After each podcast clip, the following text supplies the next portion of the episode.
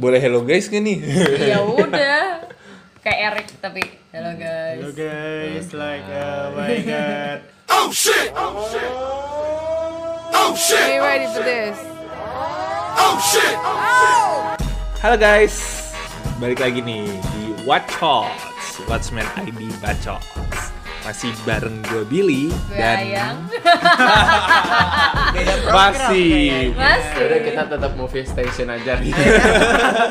enggak Ya. harusnya gue Billy gue ayang gue Ari gue Rohan. Iya. hanya di Hanya di- tempat ini. nah Nah jadi buat podcast kali ini gue tidak sendirian lagi, tidak bersama Ayang saja dan Ayang tidak bersama Rowan saja, tapi kami bersama-sama. jadi ada gue Billy, ada gue gue ayang Gua Ari. Dan gua Rowan. Yeay. Mabok semuanya orang-orang. Berkumpul, berkumpul. Kan Simus. Dora Berkumpul. Ini gara-gara tadi si Rowan habis ngomongin Dora. Dora, the most anticipated film in 2019. Ya. Baik memang. Ini masih podcast lanjutan dari episode 1 kemarin yang akhir eh, yang temanya masih tentang gue lagi ada di Bandung gitu kan. Jadi eh, sekalian bikin podcastnya banyakan gitu. Nah, jadi habis Dark Phoenix hari ini kita bakal bahas soal bukan hari ini, maksudnya di podcast kali ini kita bakal bahas soal MIB. Nah, jadi di podcast kali ini kita bakal bahas soal MIB internasional. Woo! Yeay. Recognizable only as deja vu and dismissed just as quickly. Time to prove yourself, Agent M. We may have a problem in London. Welcome to MIB. You will be with Agent H, one of the best ever to wear this suit. We are the men in black. Looks like the tables have turned. That was an incredible catch. Oke, kita mulai dari eh, MIB gitu kan. MIB itu buat kalian yang belum pernah nonton nih sama sekali terus nggak tahu MIB itu apa. MIB itu singkatan dari Men in Black. Dan yang membedakan yang sekarang dari yang dulu adalah yang kali ini internasional. Jadi yang dulu cuma Inggris doang, yang ini internasional. gitu. eh yang dulu American Iya, Yang American. dulu American. Yang dulu American doang, yang ini internasional gitu. Jadi banyak banget negaranya yang ada di MIB internasional ini. Tapi eh, menurut gue kayaknya sih bukan itu yang membuat dia dinamai internasional. Gue nggak tahu sih kisah di balik internasionalnya itu apa sih kalau kata gue sih karena sudah ngeliatin apa namanya kan aw- awalnya si Tessa Thompson dia di eh, di MIB US kan dan se- dia kan ditransfer tuh ke MIB UK. UK. UK. Nah maksudnya mungkin di situ diliatin internasional kalau jaringan MIB ini apa lebih menekankan jaringan MIB ini tuh udah internasional dengan persatuan UK dan US walaupun Dan tidak di- intergalaktik juga ya. Iya, Ya, itu mah Nah, itu internasional, Kapan bukan internasional, Bapak. Sebenarnya kalau gue lihat juga kan dulu juga sih pendirinya itu si siapa sih Ivo ya? Itu Paris Iya. kan ya. Heeh. Iya, di Paris, berarti di Paris, udah di Paris. Paris juga ada, Eropa juga ada. Nah itu dibahas juga tuh di MIB Internasional ini tentang bagaimana mereka eh, alien-alien ini datang tuh ada yang namanya Big Migration ya. Iya.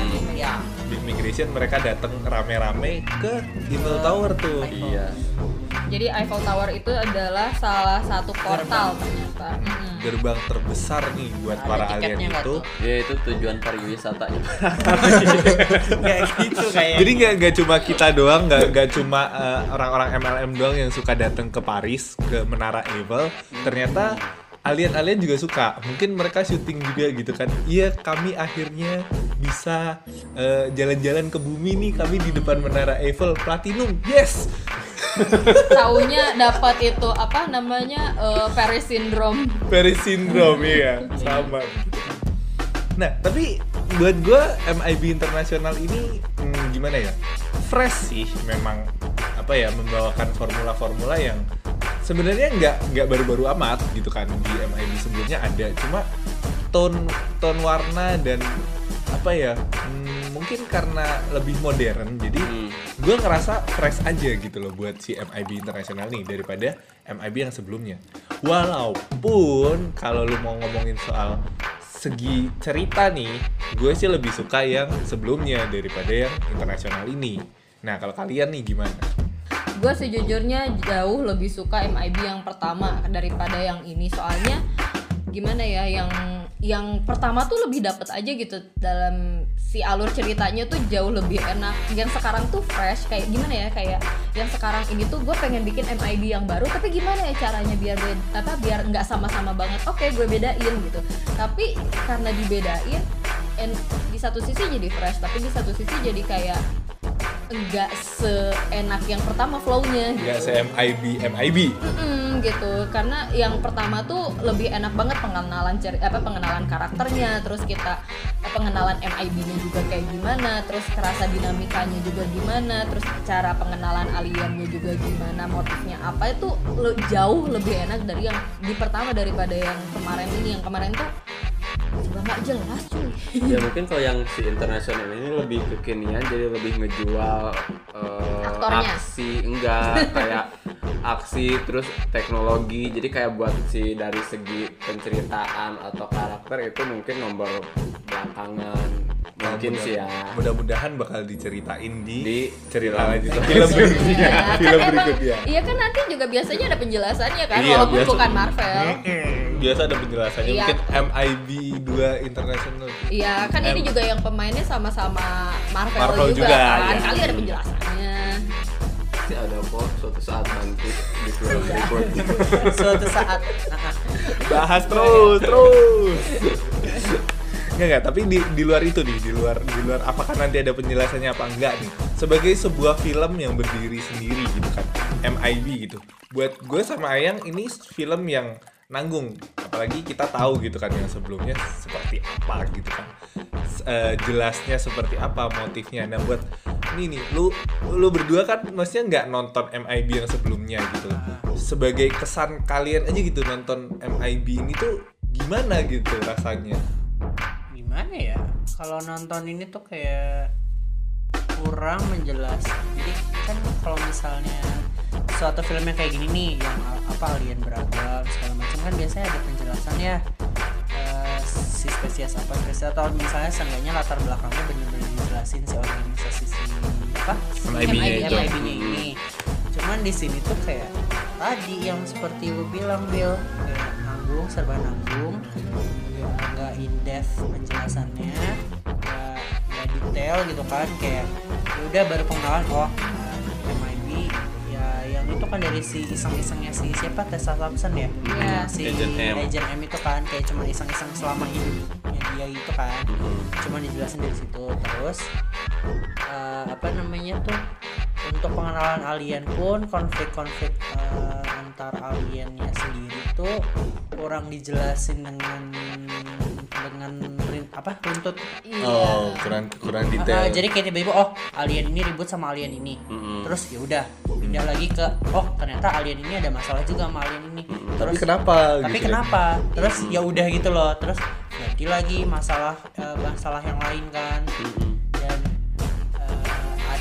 Ada yang yang harusnya penuh haru iya Bentar Cuman belah gitu. mana yang ya? harusnya penuh haru reunian iya bentar reunian reunian yang dikit teman masa kecil Oh, Yang itu harus- haru ya harus. Oh, itu ya harusnya maksudnya ya? kalau biasanya kan oh, ketemu. kamu Iya. teman masa kecil ah peluk-pelukan nangis-nangisan segala macam Ini tidak, Tidak semakin bunuh-bunuhan. Nggak, udah cuman bukan, gitu bukan. aja ketemu hai Bukan, say hai ketemu, ah "Hai, udah ya kamu apa kabar terus kayak akhirnya dia jadi jadi udah kan oh itu temen gue ya udah gue harus bantu dia ya udah terus udah gitu ceritanya pindah lagi ke yang lain kayak tapi tapi overall lu ngerti kan MIB itu apa?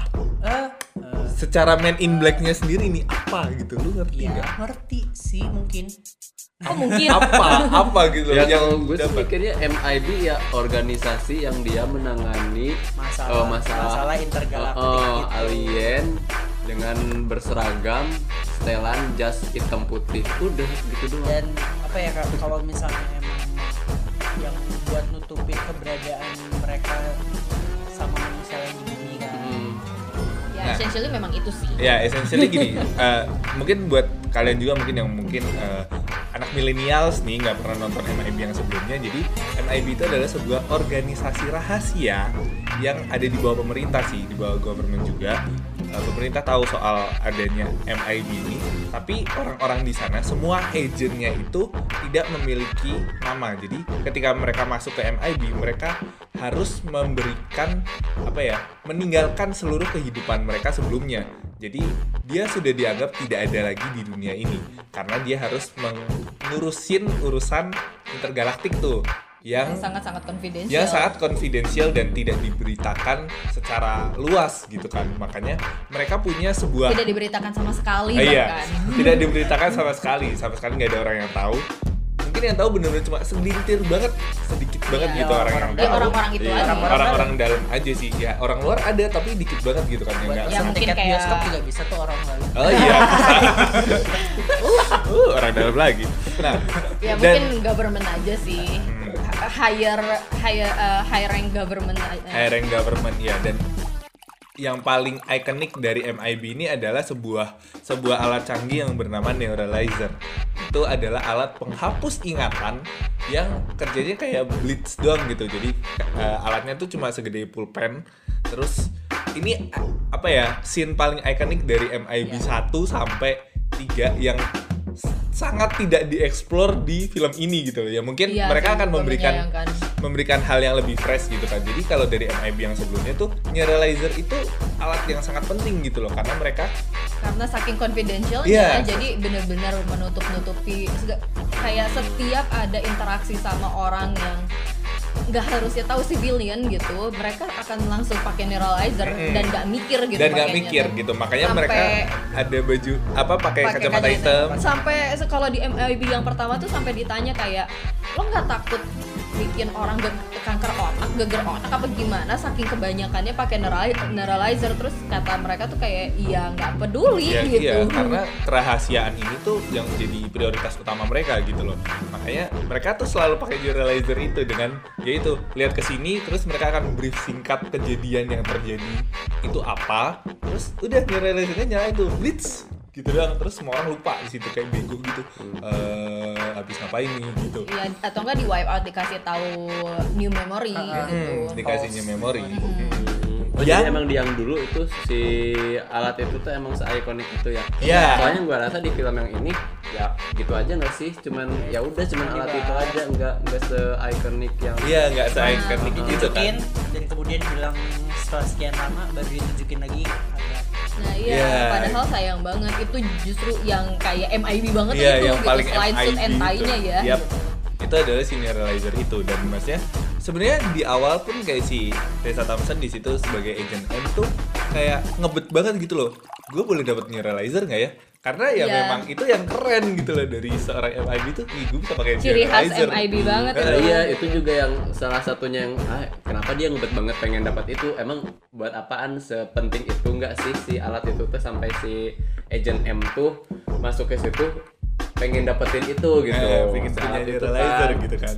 Iya, nah sayangnya sih ya kalau menurut gue gitu ya, MIB yang eh, internasional ini tuh terlalu ambisius tapi apa eh, tapi nggak jelas gitu. Maksudnya serba se- nanggung, ter- kentang gitu. Terus eh, apa tapi ya ambisius gitu. Dia kayak dia tuh seakan-akan orang tuh udah ngerti neuralizer itu Iya. apa. Walaupun tetap ada juga apa eh, pasar untuk orang baru.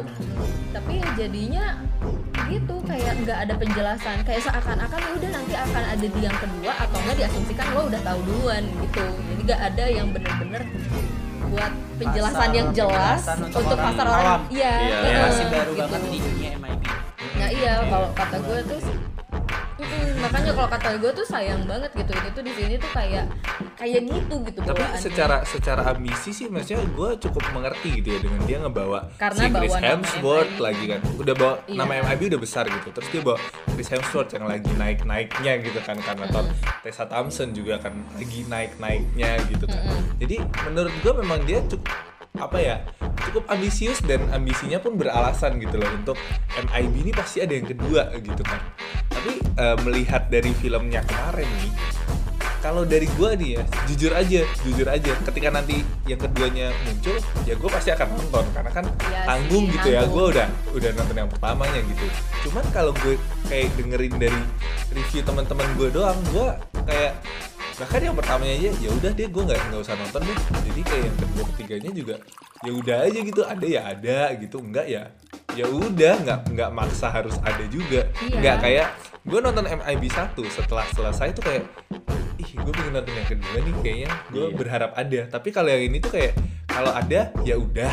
Gue akan nonton. Mm-mm, kalau kalau nggak ada nggak apa-apa. ya nggak apa-apa gitu. Nggak masalah juga buat gue ya biasa aja gitu filmnya tuh. Karena ini ada ada ada hubungannya dikit sama main villainnya nggak sih? Si The Hive-nya itu kayak nggak dieksplor Iya. gimana gimana kan nggak dikasih tahu terus tiba-tiba kalah aja gitu. Jadi kayak kita nggak nggak sempat bonding sama karakter-karakter di situ dan Iya. kenapa kenapa The Hive ini harus menguasai dunia dan kenapa eh, oke kalau MIB menghalangi kan karena The Hive mau menguasai dunia gitu. Tapi kenapa The Hive ini harus menguasai dunia? Itu kan nggak pernah diceritain secara gamblang gitu. Cuma dan seberapa kuat The Hive sebenarnya gitu kan kayak ini kan udah di nerf nih dengan pertarungan sebelumnya.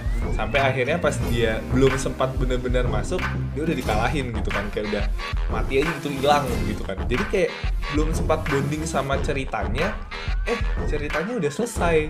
Nah iya itu adalah itu adalah mungkin eh, yang ambisi itu. Kalau kata gue kayak ya nanti juga bakal nanti Iya, bakal nanti diceritainnya di yang kedua gitu.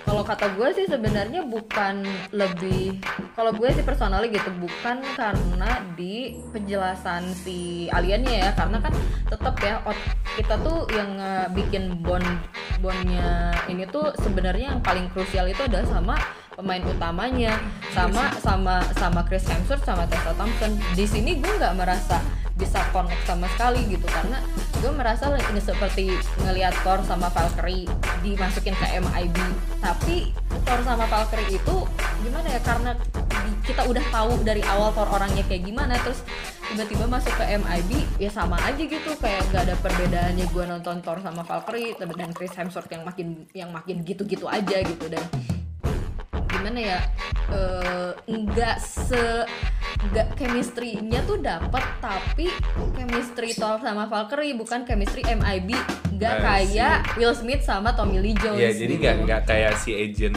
agent Jake M ya, sama agent apa H. sih Eh, agent H, M ya. yang agent H sama Agent M itu ada hubungan yang lebih dari sekedar partner gitu kan. Dan karena mereka itu cowok-cowok gitu kan jadi kayak hubungannya lebih ke father and son gitu gak sih? Iya. Ketika si J itu seceroboh itu gitu agent K itu kayak mengayomi. Mengayomi ya terus karena gap umurnya kan jauh kan jadi kayak Eh, ah lu gini lagi ya udah deh gue yang ngurusin gitu. Biarpun kayak itu kayak apa ya ya males-malesan juga kayak sebagaimana orang tua di sana pada umumnya gitu kan. Tapi kalau agent H sama agent M ini tuh kayak lebih lihat ya itu karena kebiasaan lihat Thor and Valkyrie terus pas masuk ke sini juga karakternya sama terus jadi kayak ya sama aja gitu loh kayak hubungannya tuh ya bodoh aja gitu kan. Iya, gue enggak, gue ngerasanya gitu ya kayak mereka kan mau bikin dinamika yang sama kayak J sama K kan gitu di mana J itu eh, bercanda, K Ya. itu serius. Cuman kan nggak mungkin ya gitu kalau misalnya dibikin sama lagi misalnya let's say kita si eh, apa agent H itu dia serius, agent agent M itu dia bercandaan.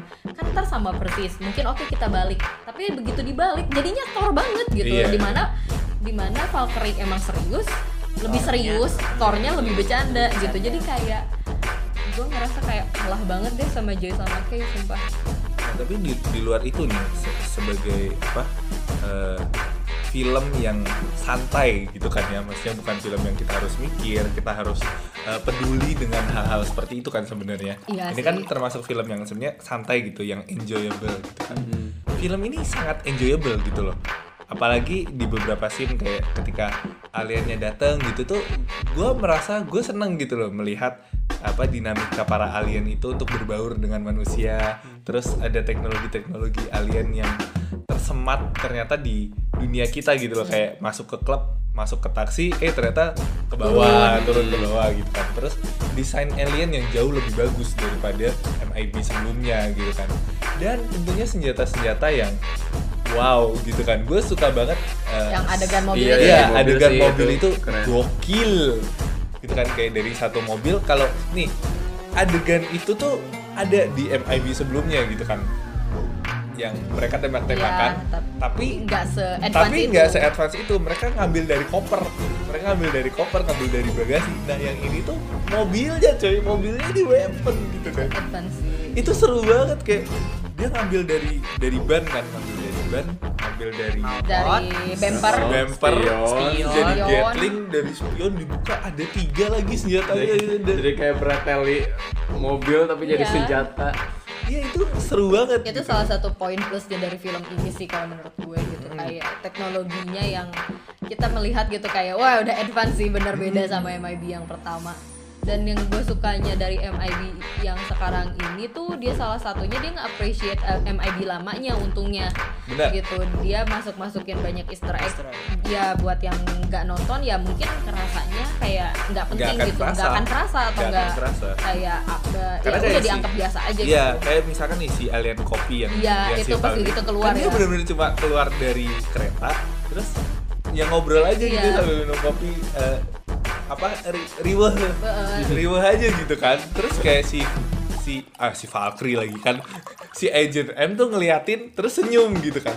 Gue yakin sih kalian pasti bingung gak sih scene kalian itu? kalian pasti tidak sadar. Nggak. atau atau enggak enggak bahkan enggak, enggak membekas bahkan. Membekas Iya, nggak? nah enggak. ya kan? Iya pasti nggak Kalau- membekas karena nggak nggak tahu itu apa makhluk apa Gitu, padahal alien kopi itu tuh ikonik banget Ikonik gitu juga, iya, di MIB. iya, di yang awal-awalnya gitu dan dia bertahan di tiga apa eh, eh, apa namanya tiga, Tiga series, film iya. iya tiga filmnya MIB itu ada terus si alien kopi itu gitu dan eh, apa namanya lukisan lukisan iya, ada lukisan. lukisannya yang Jay sama Kay Jay sama ya, Kay ya gitu. sama Kay ya itu ngasih ada apalagi ya yang di layar itu loh si Mike Lewis Iya. Ya itu Lewis, adegannya ya. mirip sama MIB yang pertama banget sih. Di kalau MIB yang pertama tuh Arnold Schwarzenegger. Iya.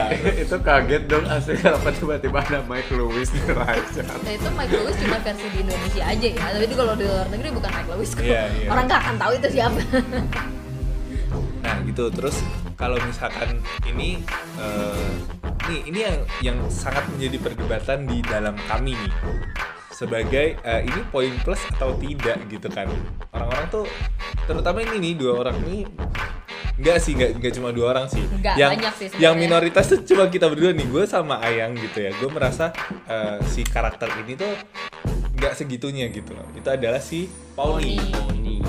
Pauni itu kalau buat gue ya oke lah dia kayak hmm, diharapkan menjadi scene stealernya dari MIB internasional ini. Tapi sejujurnya, sejujurnya nih dari gue secara pribadi kayak ya udah gitu loh, nggak nggak se wow wow iya, itu. Nggak jadi scene stealer sih kalau buat gua. Nggak cukup jadi scene stealer. Iya nggak cukup oke untuk jadi scene Lu stealer.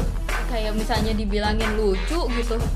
Iya lucu sih, tapi ya ya udah lucu lucu. Tapi kalau gua tuh cuman gitu doang bawaannya. Nggak sampai ngakak nggak sampai bahkan buat gua mengeluarkan hehe aja nggak setiap saat gitu kayak iya udah sih gitu kayak kelihatan banget lo berusaha Membuat itu jadi menjadi lucu Iya, tapi jadi ber- menurut gua karena lo berusaha jadi nggak lucu gitu benar, gue setuju sama itu. kayak beda kayak waktu MIB yang awal-awal tuh alien kopi tuh Iya. dia celetukannya tuh kayak tidak di- tidak niat dibikin Iya, lucu benar. gitu tapi jadinya malah scene stealer gitu kayak gue pasti inget banget sama si alien kopi apa alien alien kopi itu gitu. Iya mungkin itu salah satu faktor juga kenapa kalian lebih milih si alien kopi itu yang scene stealer karena kalian Sudah udah punya kebiasa scene stealer yang gitu lain. dari MIB 1 2 3 itu ada dia kalau kita kan orang Baru awam yang pertama baru kayak, pertama oke, nonton Pony. eh, si alien kopi ya udah cuma gitu lewat. aja selewat sedangkan si Pony ini emang bener-bener yang bikin kita berkesan gitu begitu nonton itu ya anjir ini lucu celetuk-celetukannya meskipun receh tapi ya Ya ketawa gitu. aja gitu setiap dia ngomong anjir gini pisan lah Sebenarnya kita belum tahu sih kalau alien kopi kayak gimana. Iya. Cuman sejauh ini masih poni. iya Yang sangat membedakan adalah si alien kopi itu lebih satir. Eh, enggak, lebih sarkastik. iya sih. Lebih sarkastik jauh gitu loh daripada si Pauni ini. Emang ada beberapa celetukan si Pauni ini yang sarkas kan, emang Iya. ada. Tapi Ada Pauni sih. ini terlalu terlalu literal mungkin ya mungkin terlalu literal yang membuat gue bikin apa ya bikin gue jadi kayak oh ya udah gitu loh lucu iya. Iya, Tapi- tapi, ya enggak ya udah, kurang gitu, gitu enggak lucu-lucu amat gitu. Heeh. nah gimana nih kalau menurut kalian mungkin? Mungkin selera kita receh kali.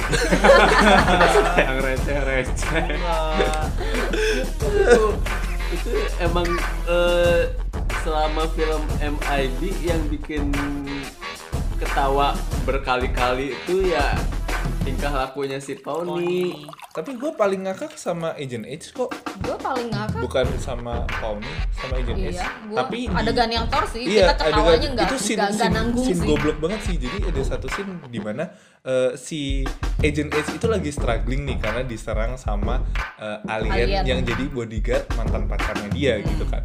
Dan alien itu tuh gede gitu kan.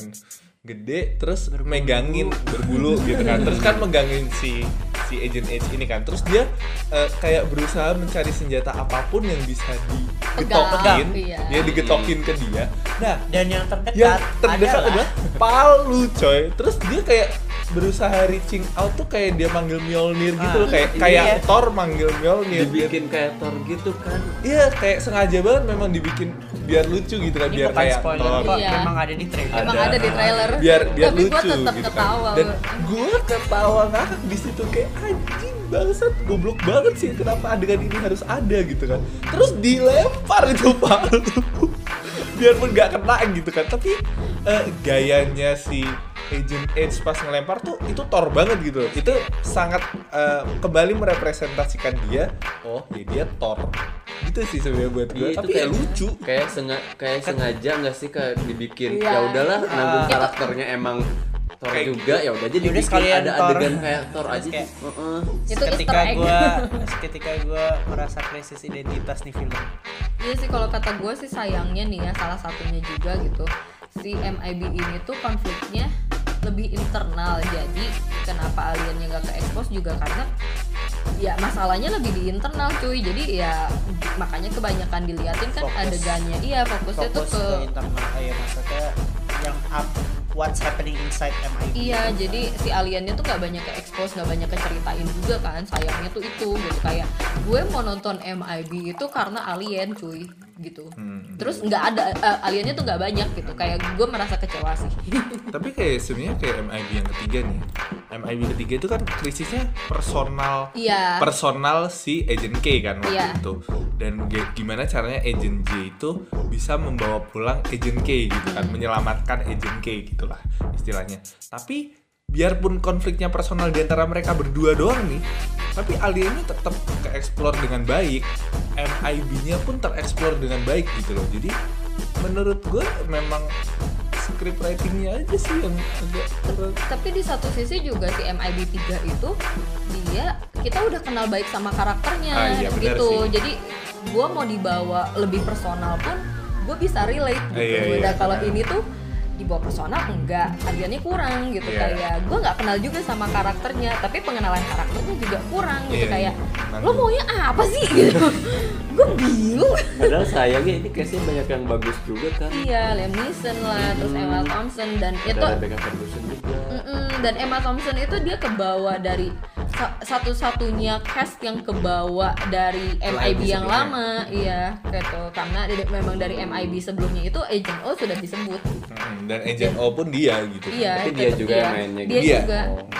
dan tetap menjadi Agent O gitu loh cuma itu sih yang kebawa lainnya semua baru dan berubah Tapi ya sejauh ini ya menghibur sih cukup menghibur gitu. Tapi ya menghibur udah. mah tetap gitu. menghibur mah tetap tapi ya udah nggak berkesan aja sih sebatas menghibur Eh, ya kalau misalnya kalian suka ya ya udah mungkin alasannya seperti Rowan mungkin sama sama Ari gitu yang emang ya nggak mungkin karena tidak punya perbandingan mungkin Ayang sama Billy karena terlalu menitik beratkan perbandingan sama MIB yang lamanya gitu atau enggak lo men- menurut lo gitu nonton terus nggak peduli ceritanya gimana yang penting Chris Hemsworthnya ganteng gitu. Yang penting F-nya kelihatan walaupun cuma berapa detik juga ya udah nggak apa-apa gitu. Itu ya itu cukup membuat gue untuk memberikan nilai 9 gitu ke ke film ini ya. Silakan terserah aja. gitu. Iya. iya silahkan terserah lo gitu. Jadi baik lagi kita tidak me- menghalangi lo buat menonton atau tidak kembali lagi nonton itu pilihan lo kalau lo punya waktunya lo punya duitnya buat nonton ya Silakan. nonton aja gitu kan. Mau ada temennya gak ada temennya suka suka lo gitu kan. Kalau mau nonton nonton aja. Tapi balik lagi ketika kembali ke kami makanya kami memberikan eh, ratingnya itu adalah Thor internasional. Per karena kami ngerasa itu Thor banget gitu kan dan ini juga podcastnya sengaja banget nih Billy tuh sampai nungguin pengen ada orang yang eh, pendukung poni karena kita memberikan be- apa perspektif yang beda-beda ya kalau yang bikinnya cuma gue sama Billy doang nanti isinya kita ngeren berapa kita nggak suka sama poni gitu nah tapi walaupun sebenarnya podcast ini sebagian isinya lebih banyak kita ngeren soal nggak suka saya kita sama poni sih daripada yang stand up buat poninya Benar, karena yang stand up buat poni tidak ada di sini. Yang Hanya ini ada berdua. Ron dan Iya, Ari. yang ini kita kurang kurang kurang pasukan. kurang kurang pasukan nih. Karena yang lain backupnya sebenarnya Wah. lebih besar. Kan aku tidak mendukung kalian berdua. Oh iya, iya. yang damai ada ya. cinta damai. damai. Iya. Gue sendiri dong berarti sangat suara di sini. jadi sengaja ini dibikin kayak gini apa sengaja dibikin banyakan gini rembugan ya karena ini tujuannya gitu kita tadinya pengen ngebahas betapa si poni ini Si menjadi poni kontroversial kontroversial di dalam internet Nah jadi gitu aja guys, maksudnya eh, buat kalian yang masih pengen nonton, nonton aja, serius. Eh, karena nonton itu personal experience kalian, kalian akan menikmati itu sendiri, kalian bakal terserah sih mau cocok mau nggak cocok sama review kami, ya udah.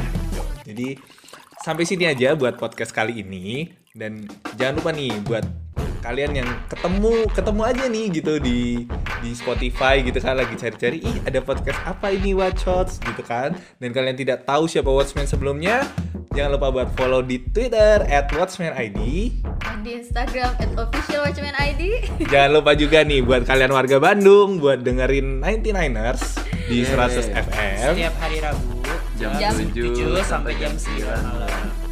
dan jangan lupa nonton juga buat nonton Watchlist with watchman ID hanya di kaskus.tv. Terus yang paling penting nih jangan lupa buat follow podcast ini karena kalian tidak akan tahu kapan kita akan posting podcast-podcast selanjutnya karena kami pun tidak tahu. Jadi stay tune and see ya in the next podcast. Bye. Bye.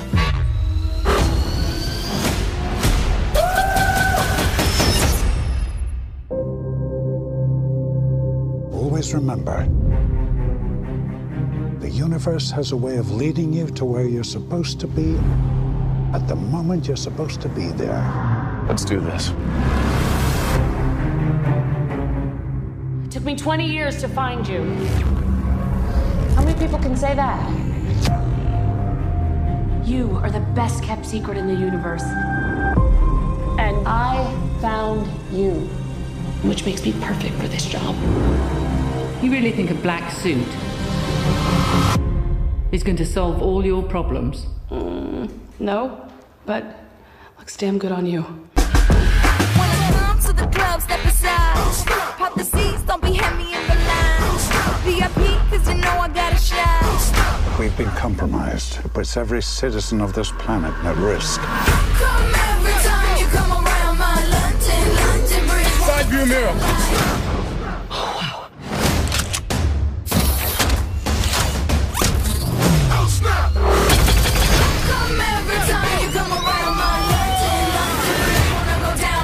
Could all just look right here. Just try.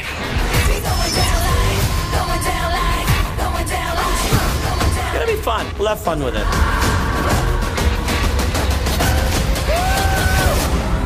There should be a big red button around here somewhere. Found it. Oh shit!